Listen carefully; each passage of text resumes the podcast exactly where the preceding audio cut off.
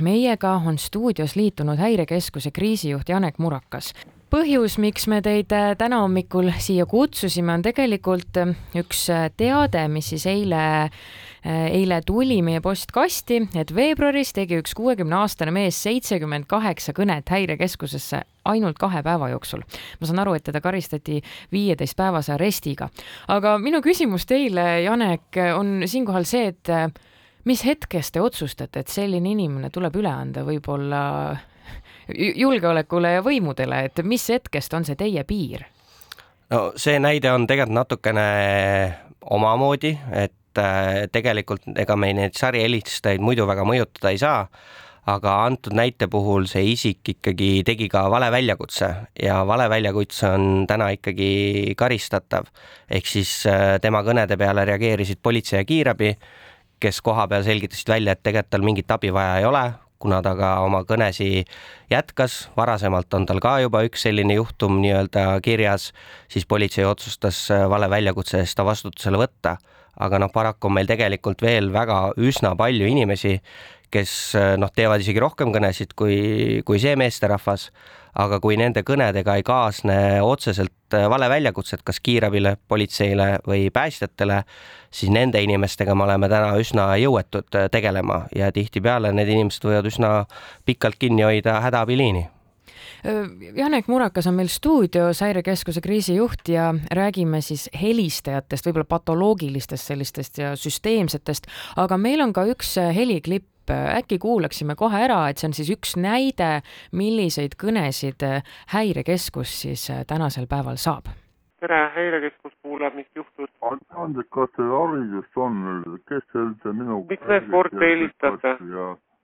mina helistan kümme korda kassi, võtate terve, terroseerite kassi. kas te vahetate politsei, pääste või kiirabiabi? kas teil haridust üldse on? kas te... mina lasen politseil lahti? selge head aega kuulasime siis hetkel ühte kõne, ma saan aru, et või äkki Janek Muraks, äkki te oskate öelda, mis siin siis tegelikult oli, olete ilmselt tuttav selle, selle kõnega? no selle kõnega ja eks neid sarnaseid kõnesid on kahjuks rohkem kui kümneid, neid on sadu. et noh, selliseid kõnesid, kus inimesed helistavad ja noh, esitavadki mingeid arusaamatuid küsimusi või elavad välja pahameelt eh, tihtipeale just riigi suunal. Eh, kahjuks me saame nagu iga päev ja noh, meie nagu töötajate ülesanne sõltumata, isegi kui nad tunnevad selle numbri juba ära, äh, peab iga kõnega ikkagi veenduma, et kas see inimene äkki nüüd vajab siis äh, äh, ka päriselt abi. Ja see võtab nagu kogu aeg aega, et noh, antud kõnes oli ka tegelikult selgelt kenasti kuulda, et päästekorraldaja, kuigi ta juba sai aru, kes see helistab, siis tõenäoliselt see number mitu korda oli juba helistanud eelnevalt, ta ikka küsis, et kas teil on kiirabi, päästjaid, politseid vaja ja no kui sealt tegelikult äh, vastust enam ei tulnud, oli selge, et seda abi vaja ei ole, lõpetas kõne, noh, mida me oleme oma inimestele ka öelnud, et me ei jääks nendega lõpuni neid diskussioone, arutelusid äh, pidama, aga vahel see selguse saamine võib ikkagi võtta minuteid aega, et kas, kas inimesel on päriselt abi vaja või mitte asjaolu, et üks, üks, kaks on niivõrd teada-tuntud number, kõik inimesed oskavad sellele helistada, oskavad seda valida, sellel on oma pahupool. helistatakse ka nende muredega, millega ei, tegelikult ei tohiks ju teid noh, tüüdata no paraku ta nii on, et äh, ja eriti me võib-olla tunnetame seda töövälisel ajal või nädalavahetustel, kus noh, tegelikult ongi ju kõik muud äh, asutused, ka kohalikud omavalitsused nii-öelda on puhkeseisundis ja inimestel võib ikka abi vaja olla, et neid sotsiaalset abivajadust me näeme, see, see aina kasvab. ja kui neil kuskile mujale pöörduda ei ole, siis noh, iseenesest on arusaadav, miks nad võib-olla üks, üks, kaks numbri äh, valivad, aga selge on see, et meie saame ikkagi reageerida, meie nagu sellise ennetustööga või, või äh, selliste pikaajaliste probleemidele lahendusi leida ei saa, ka oma partneritega koostöös mitte. Äh, aga noh, siin kindlasti ei tohiks nüüd kõlama jääda seda, et kui inimene kahtleb, pole kindel, et kas ta nüüd peaks helistama üks, üks, kaks või mitte, et selles mõttes me ikkagi ütleme, et pigem helistada, meie veendume, kas on seda kiiret abi vaja või, või mitte. Äh, et nüüd selle taha ei tohiks inimesed jääda, et, et nad seda numbrit ei valiks eelmisel aastal tegi üks siis selline äh, räuskav sarihelistaja poole aastaga üle üheksasaja kõne, üle üheksasaja, no seal on inimene ei tee ju seda ju niisama. mida ta tahab, jah? mida ta soovib, mis on tema eesmärk? ega väga tihti me ei saagi lõpuks aru, mida ta tahab, et seesama üheksasada kõne teinud meesterahvas, noh, praktiliselt kõik tema kõned on sellised, kus ta ainult karjub, räuskab, sõimab meie inimesi, et noh, seal ongi nagu raske aru saada, mis tema eesmärk, soov on ja need ei ole ju inimesed, kellele meie täna siin raadioeetris saaks kuidagi, kuidas, kuidas siis öelda, kas aru pähe panna või öelda, et ärge tehke nii, need on inimesed, kellel on ka muud äh, probleemid eluga toimetulekul. võib-olla oleks tarvis ühte teist numbrit, kuhu need inimesed saaks helistada kindlasti e, väga paljude puhul tõepoolest meie siin isegi ka see karistusmeede äh, ei toimi, et äh, on see alkohol, on see vaimse tervise häired, et seal on mingid muud mured taga, mis vajavad pikaajalist abi, toetust. kahjuks Eestis täna teenuste ressurssidega tihtipeale on nii nagu, nii nagu on me üritame oma partneritega seda koostööd aina parandada, rohkem kaasata, rohkem selgitada Äh, ja eks on ka igasugu muid numbreid, aga noh, samas on ka selge, et seesama üheksasada kõne teinud mees, noh, meil ei ole mõistlik teda suunata a la sinna hingehoiu telefonile, et noh, tal ei ole ka seda abi tegelikult äh, vaja ja hoiab lõpuks ka seda nagu numbrit äh, kinni. Pigem on nagu teenuste, teenuste, sotsiaalteenuste, sotsiaalvaldkonna nagu teema paljuski alles, kas see oli paar aastat tagasi või mõni aasta tagasi, kui äh, olid ju pealkirjad meie ajakirjanduses, et häirekeskusel on äh, tekkinud siis ooteajad, et üks, üks, kaks helistades tuleb arvestada, et võib-olla tuleb oodata. mis see seis tänaseks on? Eks neid ooteaegasid ikka paraku ette tuleb, alati ei ole see seotud nüüd sarihelistajatega, et on noh, on teatud perioodi, kus me teame, et lihtsalt juhtub rohkem a la aastavahetus, siis kõnede hulk märkimisväärselt kasvab ja paraku tekib neid perioode. aga on ka neid perioode, kus tõepoolest on see ooteaeg konkreetselt seotud sellega, et keegi nagu süsteemselt nii-öelda pommitab meid ja kogu aeg hoiab meie operaatoreid kinni, et niipea kui kõne lõpetame, tuleb kohe talt uus kõne ja jälle on liin nagu hõivatud, et, et selles mõttes see sarihelistajate probleem on meie jaoks üsna, üsna valulik äh, mure ja nendega on sageli keeruline midagi ette võtta, kui just sinna siis noh. just, et noh, antud juhul oli see, et ta tegi vale väljakutse, siis nii-öelda selleks hetkeks sai see rikkumine lõpetatud, viisteist päeva on ta arestis. noh, samas me teame, et ta sügisel on ka juba olnud tegelikult ju välja sai, jätkas seda tegevust. häirekeskuse inimeste jaoks on see kindlasti selline noh, keeruline probleem ja häirib ja emotsionaalselt võib-olla ka raske, samuti juhtide jaoks, nemad peavad sellega kõigega ka toime tulema aga kas te olete teinud sellise analüüsi ka, et kui palju see maksumaksjale maksma läheb, mitu tundi neid sarihelistajate noh, räuskavaid kõnesid äh, teile tuleb? ajaliselt me oleme loomulikult seda mõõtnud, et kasvõi seesama üheksasada pluss kõne teinud meesterahvas. kui ma nüüd äh, õigesti mäletan, tema kõned eelmine aasta võtsid meil kakskümmend kolm äh, töö, töötundi, noh, see on põhimõtteliselt äh, kaks päästekorraldaja vahetust, et sealt saab selle arvutuse teha, palju see päästekorraldaja nii-öelda tunnitasu on ja palju see võib maksma minna, et ajaliselt nad võtavad tegelikult ikkagi, kui kõik kokku panna, noh näiteks top kümme eelmine aasta, kes meil olid, top kümme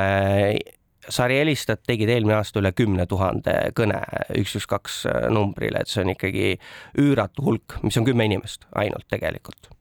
kes oskaks siinkohal või kes peaks häirekeskust äh, siinkohal aitama, et äh, noh, ma mõtlen ähm, võib-olla ministeeriumide tasandil, valitsusjuhtide tasandil, kas teil on üldse arutelusid, ma alustan sellest, kas teil arutelusid on olnud riigijuhtidega sel teemal? selles mõttes on üks ikkagi selline edasiminek toimunud, et me väga loodame, et kas sel aastal, järgmisel aastal hiljemalt äh, ikkagi saab seadusesse viidud sisse see muudatus, et ka nii-öelda need, kes pahatahtlikult meile süsteemselt selliseid kõnesid teevad, aga nad ei tee vale väljakutset, et me saame neid ikkagi ka hakata vastutusele võtma. Noh, me küll teame, et väga paljudel juhtudel ei pruugi sellest kasu olla, aga noh, meil on ka neid näiteid, kus äh, meile helistab mingi number, aga me tegelikult ei tea, kes seal taga on. Ja täna me tihtipeale ei saa paluda ka politseil seda välja selgitada, et noh, võib-olla on seal tegelikult hoopis keegi vana inimene, kes ei oska oma telefoniga ümber käia ja keda tegelikult tuleb lihtsalt õpetada, mida, kuidas peaks telefoninuppe kasutama. E ja kui meil tekib võimalus seaduse järgi neid tegusid nii-öelda menetleda, me saame ka tegelikult sellistel juhtudel vähemalt välja selgitada, kes neid kõnesid äh, teeb ja miks. Ja võib-olla ei olegi seal see karistus üldse oluline aga me siiralt loodame, et vähemalt ikkagi nüüd lähiajal see seadusemuudatus äh, tulemas on, et ta on töös. Äh, ministeerium on selle endaga kaasa võtnud, pardale võtnud ja see loodetavasti ikkagi mingisugust mõju avaldab aga noh, kindlasti on see sotsiaalpool teine, kellega tuleb igapäevaselt koostööd teha. mul tekkis praegu huvitav paralleel, meil täna hommikul käis ähm, külas julgeolekuekspert Erkki Koort, kellega me rääkisime Venemaa hübriidrünnakutest ja ta rääkis, et hübriidrünnaku üks eesmärk on sageli mõne riigi siis noh, ametkonda äh, panna tööle nii-öelda tühja, käitada seda äh, masinavärki. Ja, ja, ja kuidagi noh, ütleme see funktsioon äh, ja, ja, ja tulem on lõpuks sama, et kui meil on Eestis enda inimesed, kes tühja helistavad häirekeskusesse ja meil on Venemaal inimesed, kes samamoodi üritavad kuidagi tühja meie ametkondi kulutada. Ma, ma ei hakkaks väga süvitsi sellesse minema, aga, aga iseenesest minu meelest te tõite praegu ühe väga hea näite, miks tegelikult meil oleks vaja võimalust äh, sekkuda, et äh, mõnes mõttes Te olete mõelnud selle peale, et kui Venemaalt peaks tulema taolisi kõnesid üks, üks, kaks ühel päeval äh, iga päev korduvalt ja lihtsalt selleks, et teid segada? eks me oleme sellele mõelnud, olen pidanud mõtlema. ja ma saan aru, et kui ka peaks tulema, siis äh, võib-olla seaduslikku alust ei olegi neid välja selgitada täna täna oleme selles mõttes natuke keerulises seisus jah, et lihtne on siis, kui tehakse vale väljakutse, sest see on täna väga selgelt reguleeritud, keelatud, aga lihtsalt üks, üks, kaks numbri koormamine kõnedega täna tegelikult Eestis äh, keelatud ega karistatav ei ole kuidagimoodi. Häirekeskuse kriisijuht Janek Murakas, äkki äh, no siin on praegu hea võimalus muidugi ka võib-olla raadiokuulajatel on midagi, kas, kas, kas neile saab midagi öelda, et äh, ma ei tea, vaadake tuttavate ja, ja lähedaste võib-olla telefonikasutus üle, äkki on teil midagi öelda? Äh, noh, kuna kõik sariehelistajad ei ole pahatahtlikud, et meil ongi neid näiteid ka, kus tegelikult sarihelistaja on inimene,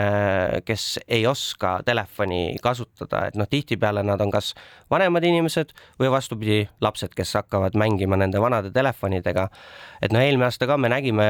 neid juhtumeid, kus äh, kogemata noh, siin üks, üks väga markantne näide oli, kus hooldekodus olevale inimesele oli antud sisse nuputelefon, seal on see soss-nupp, oli padja alla pannud, see soss-nupp oli alla jäänud ja ta tegi päevaga meile üle tuhande kõne oh. ja noh, õnneks äh, me saime ikkagi seal kasutasime politsei abi, menetlust küll püsti ei pandud, aga kuna meil oli mingi info eelnevalt olemas, äh, siis saime sugulased kätte, läksid hooldekodusse ja noh, tuligi välja, et lihtsalt nupp oli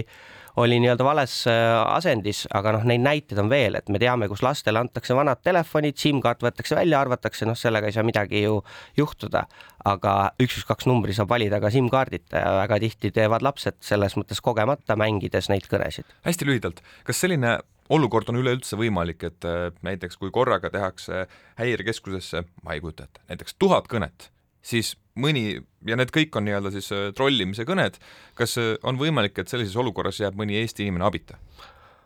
ma ei saa seda välistada jah, paraku, paraku see on võimalik loomulikult. kui palju kõnesid korraga on tarvis, et äh, selline olukord tekitada? vot seda ma kindlasti siin niimoodi öelda ei saa, et ütleme, meil on omad meetmed, vahendid olemas, kuidas me ikkagi saame kõnesid reguleerida et meie eesmärk on tagada see, et inimesed saavad üks või kaks numbri kätte. häirekeskuse kriisijuht Janek Murakas, aitäh täna stuudiosse tulemast! Aitäh!